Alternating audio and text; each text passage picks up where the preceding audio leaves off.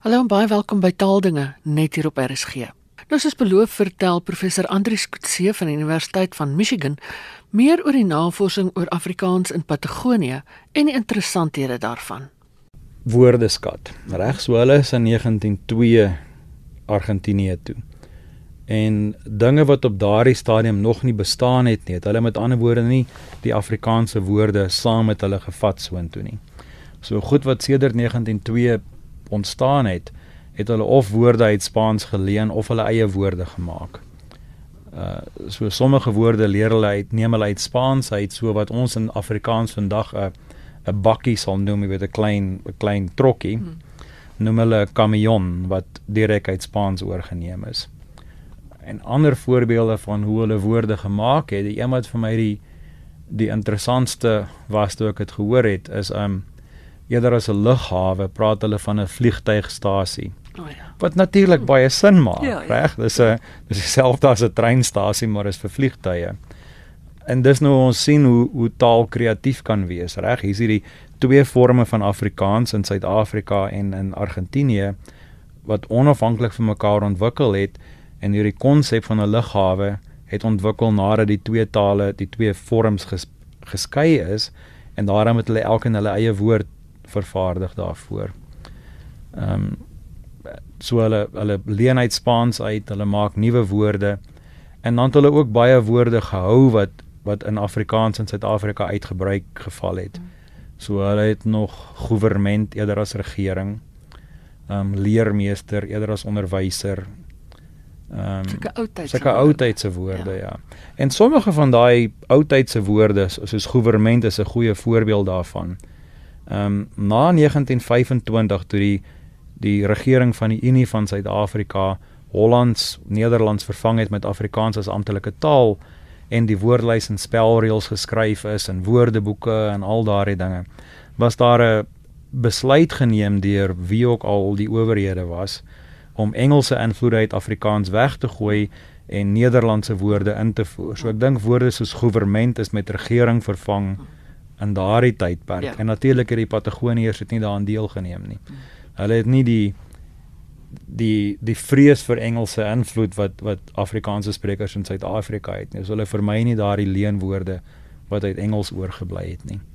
'n Ander voorbeeld van hulle Afrikaans wat interessant is in dis 'n onderwerp so ons die ons span wat op die Patagoniese Afrikaans werk is groot. Jy weet ons het ses professore, so drie linguiste en dan 'n antropo twee antropoloë en 'n geskiedkundige en het vier of vyf doktorsgraadstudente en ons het twee nadoktorale navorsings gehad en seker 30 of 40 voorgraadse studente. En een van die voorgraadse studente, Sean Lang, het pas 'n honeerskripsie klaar gemaak oor die oor 'n aspek van hierdie sprekers se Afrikaans en Spaans. En wat hy na gekyk het is wat ons noem weet nou nie wat mense in Afrikaans sê nie, filled pauses, so ehm um, 'n en a Mhm. baie goed wat jy insit as Ja. jy nou vir woorde soek. En in Afrikaans is die vokaal wat in hierdie wat is 'n filled pause in Afrikaans? Ek weet. In Afrikaans is die vokaal wat in filled Oh, pauses ja. voorkom is is 'n of a Ja. en in Spaans is dit e. So daar's 'n taamlike verskil tussen 'n en e. So wat Sean gedoen het is hy het na die opnames gaan kyk, die onderhoude wat ons gedoen het met hierdie sprekers in in Spaans en in Afrikaans en dit vergelyk met die vokale en die filled pauses van eentalige Patagoniese Afrikaanse sprekers en dan nou ons kontrolesprekers uit Potchefstroom uit. En en hierdie Patagoniese Afrikaanse sprekers hulle vokaal en filled pauses in Afrikaans is er is is nie so a erg soos Afrikaans in Potchefstroom nie, maar is ook nie e soos in Spaans nie. En hulle e in Spaans is nie regtig so ekstreem e soos Spaans nie, maar is ook nie regtig a nie. So albei van daai vokale lê so eers in die middel tussen die twee tale. Wat ons met ander woorde sien die invloed van beide tale op mekaar. Maar die mees interessante ding van van Sean se studie vir my is as ons gaan kyk na individuele sprekers. Dan is daar sommige sprekers wie maak nie saak of hulle Spaans of Afrikaans praat nie, hulle vokaal is A, baie Afrikaans.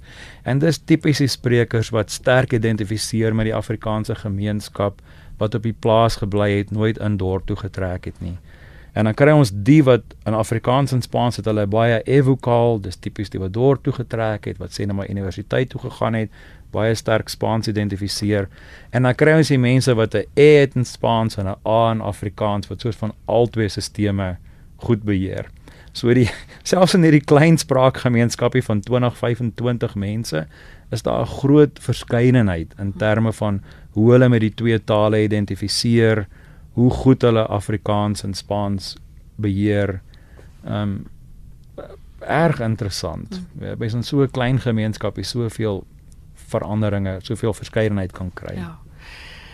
En hulle het dit self seker nie nie meer of, of hulle kan dit self seker nie meer maklik aan Afrikaans soos dit vandag klink meet nie. So hulle moet maar werk op waarmee hulle groot geword het. Ja.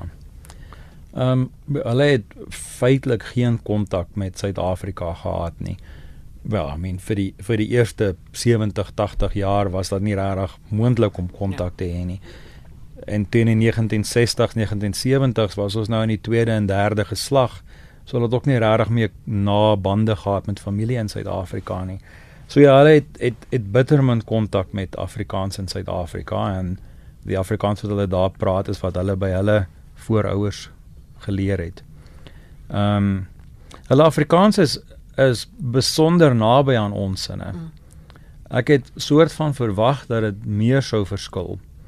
Want een van die dinge wat die mense wat navorsing doen oor die geskiedenis van Afrikaans altyd oor verskil van mekaar is hoe stabiel was Afrikaans gewees teen 1902. Ons weet na 1925 toe dit 'n amptelike taal geword het, het dit soort van gestabiliseer want dit het daai status gekry. Maar is moontlik dat voor dit daar baie meer verskille in die verskillende forme van Afrikaans was. Gegee hoe naby Patagoniese Afrikaans aan ons Afrikaans is, dink ek teen 1900 was Afrikaans reeds taamlik standaard gestabiliseer. Uh weet 'n stelsel wat wat nie meer in in vlaks was nie. Ehm um, so dit was vir my een van die die grootste verbasings dat ek kan instap en met hierdie mense 'n doodgewone gesprek voer met bitter min probleme. Jy weet die probleme kom in by die paar woorde wat hulle in Spaans gebruik en ek ken nie 'n woord Spaans nie, wel ek ken nou 'n paar woorde wat ook daar opgedaag het. Dit maar, maar dit was die minderheid. Hulle Afrikaans is is baie naby aan ons inne.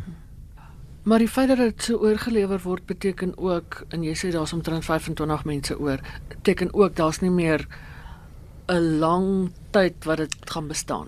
Nee, nee, dis die dis die laaste geslag en die sprekers wat oor is is uh, ons het een een persoon gekry wat taamlik goed praat wat in haar 50's is.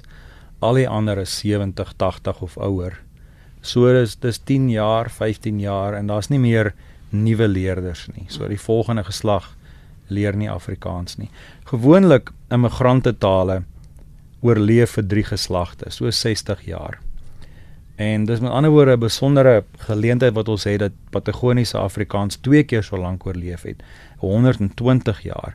So dit gee ons kans om hierdie werk te doen om te kan 'n verkyker vat en na 1900 se Afrikaans kan kyk. En die, die rede hoekom dit langer oorleef het daar is die isolasie van die gemeenskap in die eerste 60 jaar. So as ons soort van die drie generasies begin te tel in 1960, dan is ons nou drie generasies later, 60 jaar later. En dis hoekom ons nou op die die einde van van Afrikaans daar is.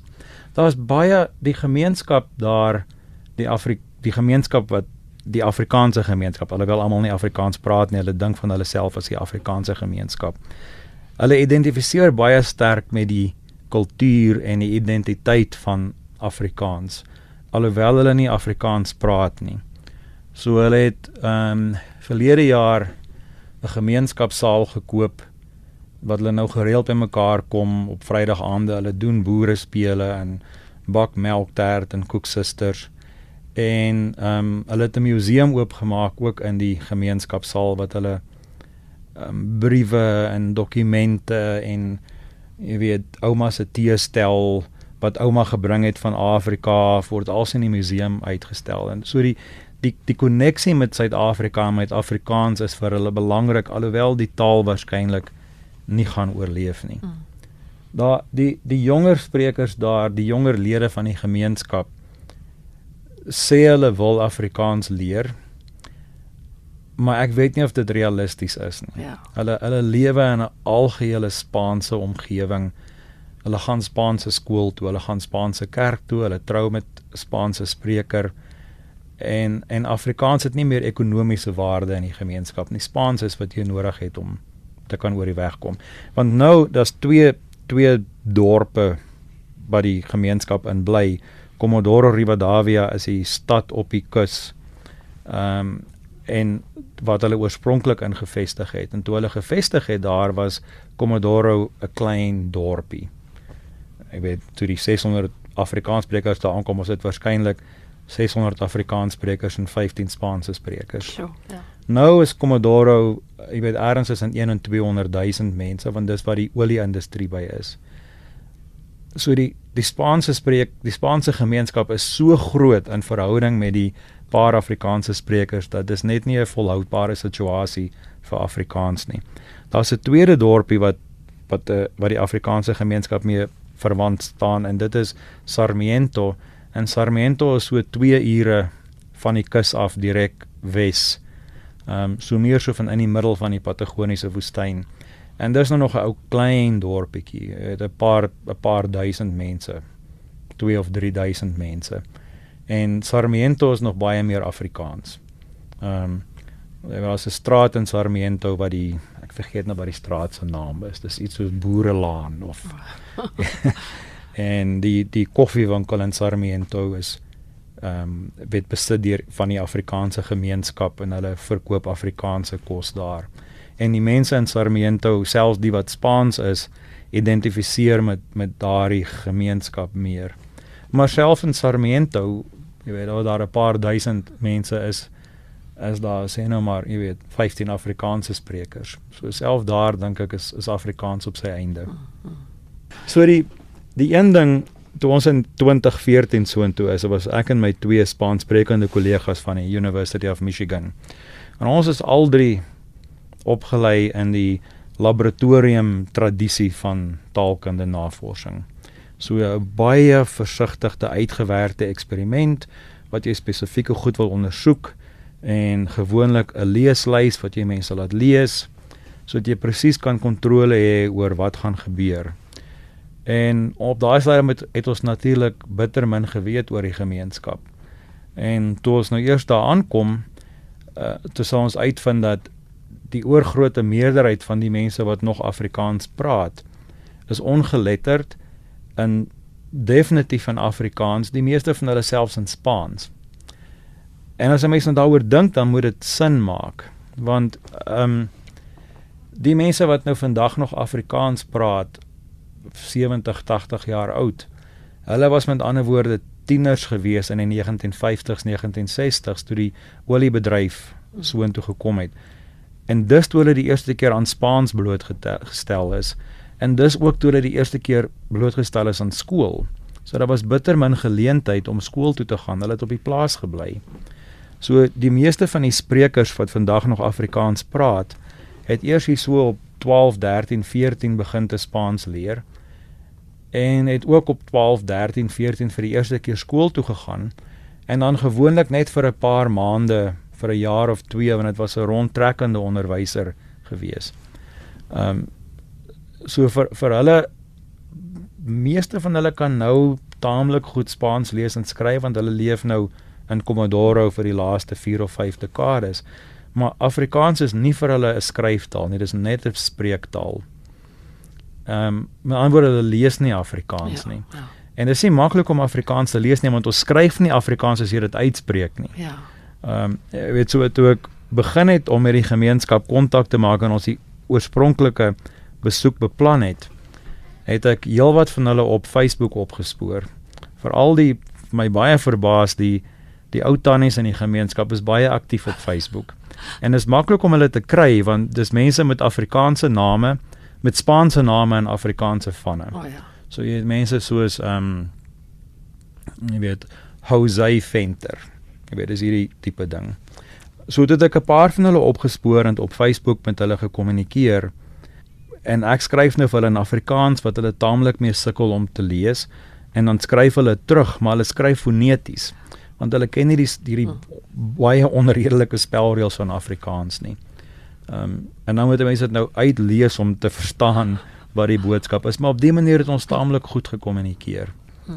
Ehm um, dit dit is een van die deling dinge wat die navorsing bietjie moeiliker maak is daar is met ander woorde nie geskrewe rekords van hulle Afrikaans ook nie. Die die eerste van die eerste 20, 30 jaar is daar want die mense wat oor is in 1902 kon taamlik goed Nederlands skryf. Maar dan's daar 'n gaping van etlike dekades waar daar selfs nie eers veel geskrewe rekords is nie. Ja, so dis nie asof jy 'n dagboek van Johanna Dominee tipe bron het. Nee. Ons het ehm um, al die dokumente wat ons kon kry ingesamel. Ehm um, en daar was 'n antropoloog wat in die 9 laat 1970s vroeg 1980s ehm um, 'n boek oor die gemeenskap geskryf het Brian de Tooy. Wel seker Brian de Tooy. Hy is ook Afrikaans, maar hy het sy hele loopbaan in die FSA deurgebring. So hy was toentertyd 'n professor by ek dink University of Oregon gewees. En en hy het 'n boek oor die gemeenskap geskryf in die vroeë 1980s. Ehm um, Kolonia Boer is sy sy boek se titel. En Brian is nou in sy laat 80s en afgetree. Hy bly in Florida. Hy was baie behulpsaam geweest ook vir ons om kontak te maak in die gemeenskap en sy boek was soort van ons inleiding in die geskiedenis en agtergrond.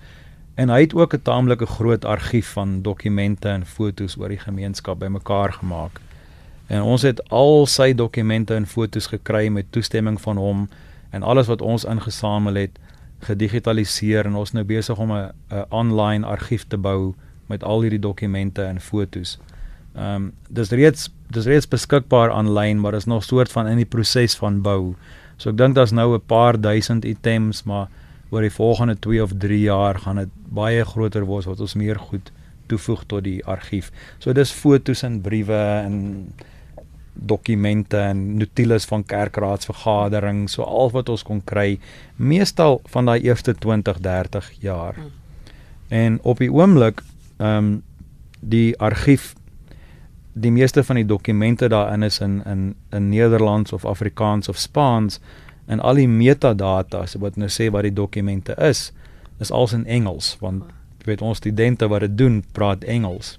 Die die hoop is dat ons dit sal kan vertaal in Spaans en Afrikaans dat die die twee gemeenskappe wat regtig persoonlik daarbey betrokke is dit ook kan gebruik. Maar um, dit vat tyd en geld. Ja. so, ons kom dalk daarby uit eendag. Hmm gaan daar 'n fisiese uitkoms wees van die navorsing, 'n boek hmm. of 'n reeks of so iets? Ek weet nie of ons 'n boek sal skryf nie. Reg, so in die in die akademie is daar boekdissiplines en tydskrifartikel dissiplines. En ons is in 'n tydskrifartikel dissipline. Ja. So ons sal 'n reeks tydskrifartikels skryf eerder as 'n boek. Ehm um, sommige van dit is besig om geskryf te word. Ehm um, in die tussentyd het ons eh, twee artikels geskryf vir nie akademiese tydskrifte nie oor die gemeenskap en oor hulle taal. So vir die die ehm um, on, online tydskrif Bybel, so dis 'n tydskrif altyd van hulle is online. Bybel is 'n tydskrif wat ehm um, gemik wat alsoor taal gaan, maar soort van pop science taalkunde, soort van vir die algemene publiek maar ingeligte dokumente, artikels oor taal. En ons het ook 'n artikeltjie geskryf vir The Conversation. Ek weet nie of jy The Conversation ken nie. So hulle hulle is 'n soort van vertaal wetenskap vir die algemene publiek oor die hele spektrum van navorsing. So ons probeer om die om die om die inligting uit te kry. Maar dit voel vir my ons het 'n verantwoordelikheid om dit te doen. Reg, hierdie is 'n 'n unieke vorm van Afrikaans wat wonderlik is vir navorsers. En ons wil daarom die data deel dat ander mense daarmee ander navorsers daarmee kan werk. Maar dis ook 'n storie wat aanklank vind by Argentynse mense en by Suid-Afrikaanse mense. So ek dink ons moet dit uitkry in die gemeenskap. Dis 'n dis nie ons data en ons inligting nie. Ons is net die kurators daarvan en ons moet dit beskikbaar maak. Dit was professor Andrius Kutse van die Universiteit van Michigan.